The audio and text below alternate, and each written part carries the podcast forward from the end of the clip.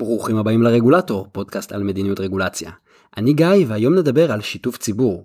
נתחיל בסיפור אמיתי על איך כמעט יצרתי רגולציה מזיקה. בשנת 2016, הצוות שלי עבד על שורה של רפורמות בתהליכי היבוא. הצלחנו בסוף לייצר שינויים גדולים, ונכון לתחילת 2019 יש כבר חיסכון ממש בכיס מורגש של 130 מיליון שקל בכל שנה. אחד התחומים שטיפלנו בו היה יבוא של מזון לבעלי חיים. הכוונה מחיות מחמד ועד מזון לחיות מייצרות מזון, למשקים ולתעשיית המזון בישראל. אז מיפינו את כל ההוראות וישבנו עם יצרנים, משווקים ויבואנים כדי להבין איפה הבעיות והעלויות שמוטלות עליהם מהרגולציה. אחר כך עבדנו באופן צמוד עם הרגולטור הממשלתי ויחד גיבשנו תוכנית לרפורמה. ביטלנו חובות סימון, זירזנו תהליכים, צמצמנו את מתכונת הבדיקות כדי להתמקד רק במה שנחוץ. כל הזמן זכרנו שהיבואנים אמרו שההתנהלות בתוך הנמל מאוד מאוד יקרה להם, ושכל פעולה בתוך הנמל וכל יום המתנה בתוך הנמל עולים להם הון. אז בחרנו כמה חלופות במטרה להוציא את הבדיקות מהנמל ולערוך אותן במקום אחר. בסוף בחרנו באחת החלופות וכתבנו נוהל שמעגן אותה באופן רשמי כדי לשנות את התהליכים. רגע לפני שפרסמנו את הנוהל, מישהו מהצוות הציע להראות את טיוטת הנוהל ליבואנים ולשמוע מה דעתם. מה שקרה אחר כך תפס אותי בהפתעה מוחלטת. כל היבואנים התנגדו לנוהל החדש. אותו נוהל שכתבנו כדי להקל עליהם. מסתבר שההצעה שלנו הייתה מייקרת את התהליך ולא מקלה על היבואנים. להפך, היא הייתה מזיקה. עברנו איתם על כל החלופות השונות, והם אמרו שלמרות הרצון הטוב שלנו, עדיף להשאיר את הבדיקות בתוך הנמל. כשבדקנו את הנתונים, ואימתנו את הטענות של היבואנים, ראינו שהם צודקים, ופשוט פספסנו שורה של בעיות ועלויות חדשות שהנוהל שלנו היה עלול לייצר. זה היה רגע ההתפכחות שלי. הסיפור הזה הוא על שיתוף ציבור. עשינו שיתוף ציבור בשלב זיהוי הבעיות, אבל כמעט שכחנו לדבר עם הציבור על הפתרונות. אני באופן אישי הייתי שבוי בקונספציה. חשבתי בתוך הקופסה. ניסיתי להגיע לפתרון לבד, בלי להתייעץ עם גורמים מבחוץ. במקרה הזה עם גורמים מחוץ לממשלה. אז מה זה בכלל שיתוף ציבור? שיתוף ציבור הוא אמצעי לקבלת החלטות טובות יותר, עדכניות, רלוונטיות וישימות יותר, זהו תהליך שבמסגרתו בעלי עניין, מומחים, קבוצות מהציבור והציבור בכללותו מעורבים ברמות שונות בתהליכי קבלת ההחלטות, עיצוב מדיניות ויישומה. את זה לקחתי מהמדריך הממשלתי לשיתוף ציבור. אז בעצם שיתוף ציבור זה לדבר עם ולשמוע עוד אנשים. אלו יכולים להיות עובדים ממשרדי ממשלה אחרים, מומחים מהאקדמיה, בעלי עניין מסקטור רלוונטי, ועד הציבור הרחב. באופן מסורתי, ממשלות קצת שכחו שהם לא לבד במשחק. ושהן יכולות לדבר עם עוד גורמים. בהחלטות רגולטוריות זה קריטי, החלטות כבדות שמשפיעות על כולנו, החלטות גם מורכבות, הפתרונות לא כל כך ברורים. אז למה לשתף? יש שני שיקולים מרכזיים בעיניי, או שני סוגים של שיקולים. הסוג הראשון זה שיקולים פרקטיים. שיתוף ציבור עוזר לנו לקבל החלטות יותר טובות. גם אם אני האדם הכי חכם בחדר, אני לא הכי חכם בעולם, ובכל מקרה, אין לי את כל המידע ואני לא רואה את כל זוויות ההתבוננות. שיתוף ציבור עוזר לי כמקבל החלטות להבין יותר טוב את המציאות, להיחשף לעוד רעיונות ולצמצם את מרווח הטעות שלי.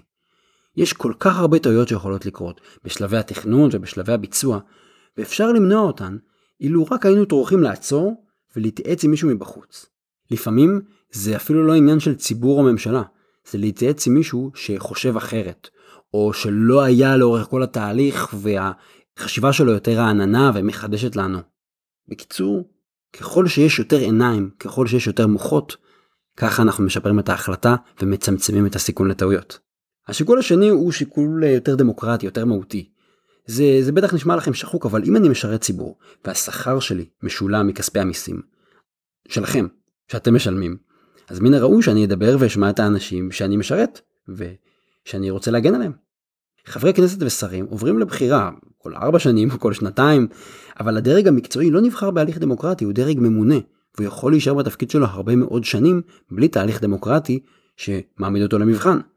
אז המינימום שאנחנו, משרתי הציבור, יכולים וצריכים לעשות, זה לדבר עם הציבור במסגרת תהליכי קבלת ההחלטות ותהליכי היישום של מהלכים. לפעמים אני נתקל בהתנגדות לרעיון של שיתוף ציבור. למשל, בטענה שאי אפשר לשאול את המפוקחים איך הם רוצים שיפקחו עליהם. מין טענת החתול שומר על השמנת. אבל העניין הוא ששיתוף ציבור הוא לא התפרקות מאחריות. מקבל ההחלטות לא חייב לקבל את כל העמדות שהוצגו לו. חשוב לשמוע, חשוב להקשיב, אבל בסוף ההחלטה היא תמיד של הגורם המוסמך. התנגדות אחרת שעולה לפעמים היא נדבר עם הציבור בסוף, עדיין אי אפשר לעשות שיתוף ציבור כי עדיין לא קיבלנו החלטה. אבל זו טעות, כי שיתוף ציבור הוא כלי בתהליך קבלת ההחלטות, הוא כלי שעוזר לנו להגיע להחלטה ולגבש החלטה יותר טובה.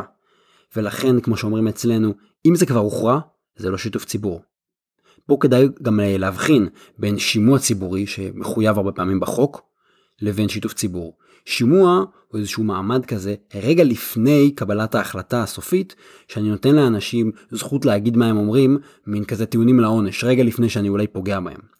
שיתוף ציבור אני לא עושה בשביל האנשים רגע לפני קבלת ההחלטה, ממש ממש בסוף. שיתוף ציבור הוא כלי שלי, כלי לאסוף מידע, לאסוף נתונים, לחשוב על עוד אופציות, לבחון את האופציות אחת מול השנייה. ולכן שימוע הוא לא תחליף, והוא לא מוציא שיתוף ציבור, וגם הם קורים בשלבים שונים של התהליך. אז איך עושים שיתוף ציבור? קודם כל מסתבר שזה לא כל כך פשוט. בשנים האחרונות הממשלה עושה מאמצים מאוד מאוד גדולים לעשות שיתוף ציבור ולעשות אותו יותר רחב ויותר טוב, ואנחנו רואים שיש פה אתגר. קשה להגיע לקהלים הרלוונטיים, ולא פשוט להציג שאלה מדויקת שממנה מקבלים תשובות איכותיות. כשאני זוכר לעשות שיתוף ציבור, גם אני לא הכי טוב בזה, ואני הרבה פעמים מפספס איזושהי קבוצה, או לא פונה מספיק זמן מראש, או שלפעמים השאלה שלי מנוסחת באופן כללי, ואני מאבד את האנשים שרציתי לקבל מהם מידע. לדעת לשתף ציבור זו מיומנות, וזו מיומנות שאפשר וצריך ללמוד, אנחנו לא נולדים עם זה. למזלנו, יש במשרד ראש הממשלה צוות לשיתוף ציבור.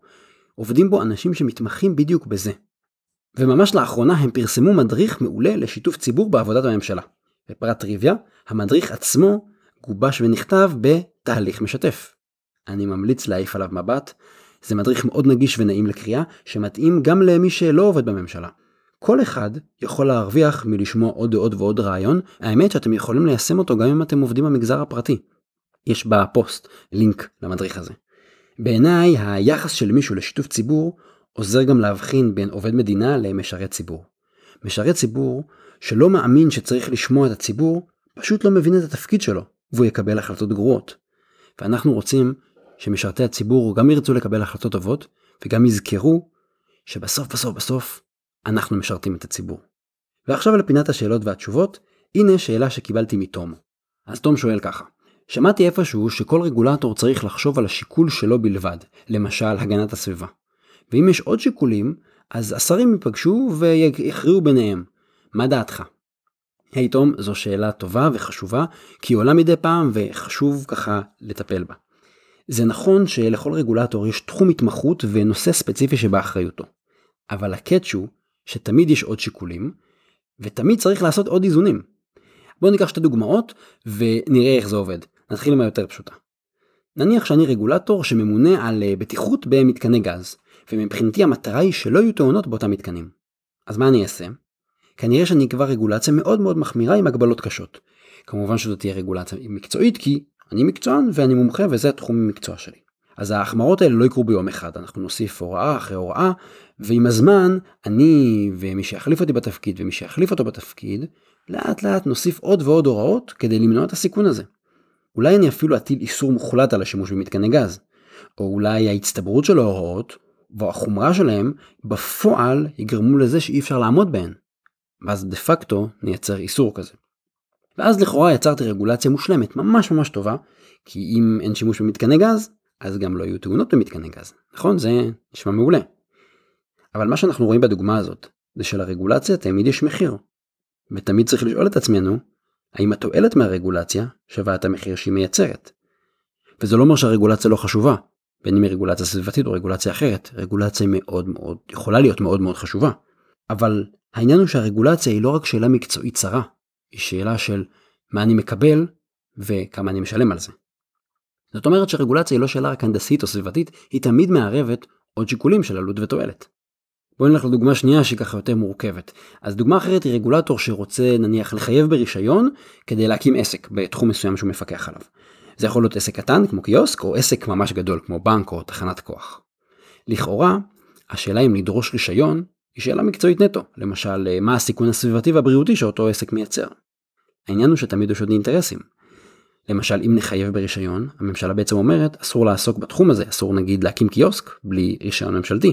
אז הממשלה בעצם מקבילה את מי שיכול להיכנס לשוק ולפתוח עסק באותו תחום. הוראה כזאת יוצרת פגיעה בתחרות ובמיוחד בעסקים הקטנים. אז הרגולטור שלנו שדורש את הרישיון הזה ורוצה להגן על הסביבה נניח, מתי הוא בדיוק יושב עם רשות התחרות שאחראית, היא הגורם הממשלתי שאחראי על מניעת פגיעה בתחרות, או מתי הוא יושב עם הסוכנות לעסקים קטנים ובינוניים, והוא חייב לשמוע אותם? כי לפי התזה שאמרנו בעצם הרגולטור הולך 100% מהאמת שלו, מהאמת הסביבתית, האמת הבטיחותית, ומקסימום השרים ידברו אחר כך. מתי יושב עם יתר הגופים הממשלתיים, ומתי יושב עם גופים לא ממשלתיים כמו מומחים מהאקדמיה, או גורמים אחרים שיכולים לשקף אינטרסים או נקודות מבט אחרות. אם כל מה שמעניין את הרגולטור שלנו זה הגנה על הסביבה נניח, הוא לא ייפגש איתם בכלל. הוא לא יחפש פתרונות שיאזנו בין הגנה על הסביבה לבין אינטרסים אחרים. ויכול להיות שאפשר ליישב אותם, יכול להיות שאין פה באמת פשרה כמו למצוא פתרון שנותן לנו מענה גם וגם. ופה בעצם אנחנו מגלים את הסתירה בתוך הטיעון הזה שהצגת. כי מצד אחד הטיעון הזה אומר שרגולציה היא עניין מקצועי והרגולטור המקצועי צריך לשקול רק את האינטרס שבתחום המומחיות שלו. נכון? אבל מצד שני הטיעון הזה אומר החלק השני של הטיעון הוא שמחלוקות יוכרעו בין השרים שהם דרג נבחר והם לא אנשי מקצוע. אז זה לא מסתדר. מי קובע את הרגולציה ובמה הוא מתחשב אנחנו מתחשבים רק במקצועי ככה הולכים ייקוב הדין את ההר ראש בקיר או שאנחנו הולכים מאיזונים. הרגולטור הוא לא דרג נבחר הוא דרג מקצועי. השר הוא דרג פוליטי הוא דרג נבחר. אז מי מקבל את ההחלטות? אין פה גישה הרמונית זה לא מסתדר. אני חושב שהטענה הזו מגיעה משני מקומות ואני חושב ששניהם קצת שגויים. אחד, לרגולטור מקצועי הכי נוח לבחון רק את התחום שלו. מאוד קשה למומחה הנדסי להביא שיקולים אקולוגיים של מגוון ביולוגי למשל, וגם ההפך. 2. באופן כללי לאזן זה קשה, והרבה יותר קל לקחת מטרה אחת וללכת איתה עד הסוף לנסות למקסם אותה. לקחת שני שיקולים ולאזן ביניהם ולהבין שאין מושלם זה יותר קשה וזה גם זה פחות טוטאלי. ואם זה לא שניים אם זה שני שיקולים מרכזיים ועוד חמישה שיקולים משניים זה נהיה ממש מסובך. אז הרבה יותר פשוט הרבה פעמים לדבוק בעמדה שכל אחד יעשה מה שטוב לו ויתעלם מיתר השיקולים. כמו שאתם בטח מבינים התשובה בעיניי היא הפוכה. רגולטור הוא קובע מדיניות. הוא חייב לאזן בין עלויות לתועלות ובין מגוון של שיקולים. זה התפקיד שלו. הרגולטור לא צריך שר שישב לו על הראש וישלח אותו לחדר ויגיד לו לך תמצא פשרה. רגולטור הוא קובע מדיניות. וכשאנחנו קובעים מדיניות אנחנו רוצים שהיא תהיה הוליסטית. אנחנו לא רוצים גם שהרגולטורים שלנו כל אחד ילך לקיצוניות בתחום שלו כי הוא יודע שאולי יכריחו אותו להתפשר. אז משרד הבריאות יהיה קצין לכיוון אחד משרד התקשורת לכיוון שני רשות מקרקעי ישראל לכיוון שלישי כי הם נערכים ליום שהם יצטרכו להתפשר. זה לא נכון אנחנו גם לא רוצים לבנות מין מרוץ חימוש רגולטורי כזה בתוך הממשלה. אנחנו רוצים שכל אחד יעשה עבודה כמה שיותר טובה וכמה שיותר שלמה עם עצמו. אז רגולטור סביבתי צריך לשקול את העלויות את ההשפעה על המסחר ועוד היבטים והשיקולים הסביבתיים צריכים להיות מוטמעים ולהילקח בחשבון גם על ידי רגולטורים לא סביבתיים, רגולטורים אחרים. האסימון שצריך ליפול לנו הוא שרגולציה איכותית היא תמיד עניין תלת-ממדי של איזונים, ולא עניין חד-ממדי שכל אחד מקצין רק לכיוון שלו. עד כאן להפעם, אתם מוזמנים לשלוח אליי שאלות במסנג'ר של עמוד הפייסבוק, ואני אשתדל לענות אליהן במסגרת פינת השאלות והתשובות שלנו.